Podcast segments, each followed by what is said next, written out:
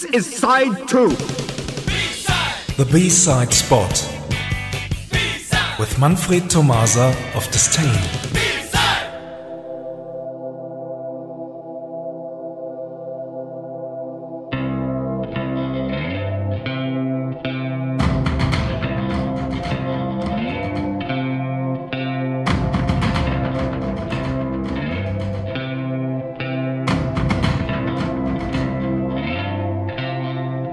Good evening, everyone. This is part 2 of our sequel to Did You Ever Talk About 1981 celebrating its 40th birthday in 2021. Tonight, everything is about New Order. 1981 was the year the band officially raised from the ashes of Joy Division. A bridge between both was New Order's debut single, Ceremony, because the A and the exclusive B side had been written by Joy Division. But Joy Division never recorded final versions of both tracks. Demo versions exist and have been released on the Heart and Soul box. New Order recorded Ceremony twice. The first version was recorded by Bernard Sumner, Peter Hook, and Stephen Morris and released in March 1981. New Order re recorded the song after Gillian Gilbert has joined them. Here is that second recording of Ceremony, which was released in June 1981.